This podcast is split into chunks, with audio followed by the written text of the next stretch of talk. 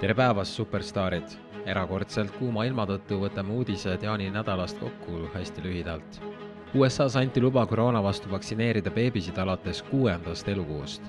USA Toidu- ja Ravimiamet FDA ja USA Haiguste Kontrolli ja Tõrjekeskus CDC teatasid seitsmeteistkümnendal juunil, et nüüdsest on lubatud koroona vastu vaktsineerida ka kuuekuuseid kuni viieaastaseid lapsi. varasemalt võis süstida alates viieaastaseid lapsi karantiinimeeskond toob uudise olulisemad punktid välja oma uues lühidokumentaalfilmis. Nearly 20 million children are now able to get vaccinated against COVID 19. I know many parents with very young children have been anticipating this day. There are a lot of toddlers who are about to be popping apple juice in the club. It's just like, I got a diaper, I'm going all night, bitches. Omikron ei olnud raskem ka lastel ja lastearstid, äh, vähemalt äh, lastearstid konverentsil ütlesid, et ka seda laste mis-C sündroomi nad ajal nägid vähe. In that three-week period, 34 of the vaccinated children got COVID and only 13 in the placebo group, a 30% increased chance of catching COVID in that three-week period if you were vaccinated. So they ignored that data. And then there was an eight week gap between the second dose and the third dose, where again, children were getting plenty of COVID in the vaccine arm. So they ignored that data, which meant that in the end, they had ignored 97% of the COVID that occurred during the trial.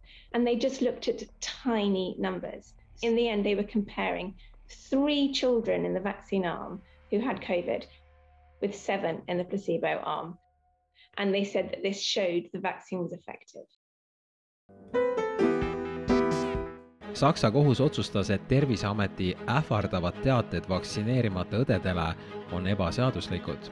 Schleswig-Holsteini halduskohus tegi üleriigilise otsuse asutusega seotud kohustusliku vaktsineerimise kohta. selle järgi on seadusevastane tervishoiuasutuste senine koroonapraktika kord, mis nõudis õdedelt vaktsineerimistõendeid ja ähvardas neid trahvidega. huvitav, mida ütleks selle otsuse kohta näiteks Viljandi haigla juhtkond, kes vaktsineerimata personali vallandas Varro Vooglaid pöördus Kaja Kallase vastu kohtusse.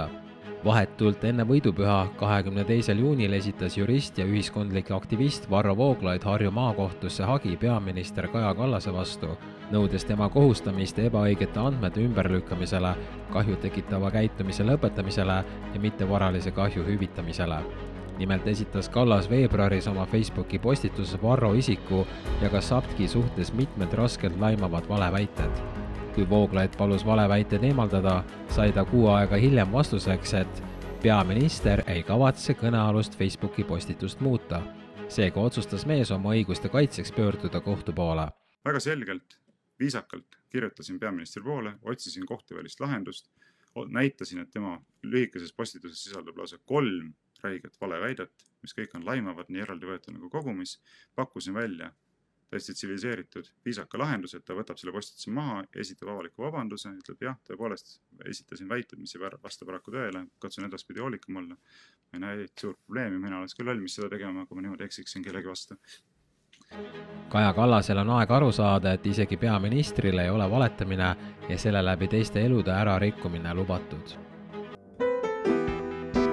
USA-s on naised nüüdsest teise klassi kodanikud viimases Telegrami Facebook Live'is rääkisime USA ülemkohtu möödunud nädalasest otsusest tühistada üleriigiline abordiõigus, mis tähendab sisuliselt seda, et naised on nüüd jälle teise klassi kodanikud. otsust on tervitanud väga paljud konservatiivid, kes vaid pool aastat tagasi olid nõus sellega, et koroonareeglitele, näiteks maski ja vaktsiinipassi nõue, kehtib reegel minu keha, minu otsus. Kuid kas abordiõiguse keelamine ei silluta teed ka koroonapiirangute põlistamiseks. et anname aina enam riigile õigust otsustada, mida meie kehaga võib ja ei või teha. jah, olukord ei ole päris sama, abordiga on seotud mitte ainult naine, vaid ka loode. kuid mis siis, kui jagaks siinkohal vastutust ka meestega? naine ei saa looduslikul viisil ilma mehe abita rasestuda, seega äkki tuleks meestele täisealiseks saades teha vasektoomia ja kui nad on lõpuks leidnud naise, kellega soovivad pere luua ja lapsi saada, siis saab viljakuse taastada. kui sa oled mees ja see mõte, et keegi teine otsustab sinu keha üle, tekitab ebamugavust, siis mõtle, mida võivad tunda USA naised. Facebooki laivis kuulutasime välja ka uue lugejaküsitluse, millele ootame teie vastuseid selle nädala lõpuni. ma, ma küsin siis veel niimoodi. kui äh, keegi vägistab sinu naise ära ja naine jääb sellest rasedaks, siis kas sa oled nõus selle lapse üles kasvatama enda lapsena? lõpetuseks tahaksime kõigile meelde tuletada, et olulisemad sellest, mis meid eristab, on siiski teemad, mis meid ühendavad. sest kui vaadata Euroopa Liidus toimuvat, ei ole koroonaterrorism veel kaugeltki läbi. Euroopa Liit pikendas digitaalse Covidi tõendi kehtivust veel aasta võrra. Euroopa Parlament hääletas üle-eelmisel neljapäeval Euroopa Liidu digitaalse Covidi tõendi pikendamise poolt veel üheks aastaks pikendamise poolt oli nelisada viiskümmend kolm, vastu sada üheksateist ja erapooletuks jäi üheksateist saadikut, vahendab Vangla Planeet. Euroopa Liidu digitaalse Covidi tõendi esialgne kehtivusaeg oli kolmekümnenda juunini kaks tuhat kakskümmend kaks, kuid nüüd saab vaktsiinipassiga rahvast terroriseerida kuni kahe tuhande kahekümne kolmanda aasta suveni Euroopa Liidu digitaalne Covidi tõend võeti kasutusele eelmise aasta juunis põhjendusega, et see tagab ohutu reisimise Euroopa Liidu liikmesriikide vahel. kuid sellest kujunes kiiresti välja koroonapasside süsteem, millega hakati liikmesriikides piirama ligipääsu paljudele teistele ühiskondliku elu valdkondadele. Need olid Telegrami uudised möödunud nädalast. tule kapist välja ka sina, me kõik teame, et see on hauks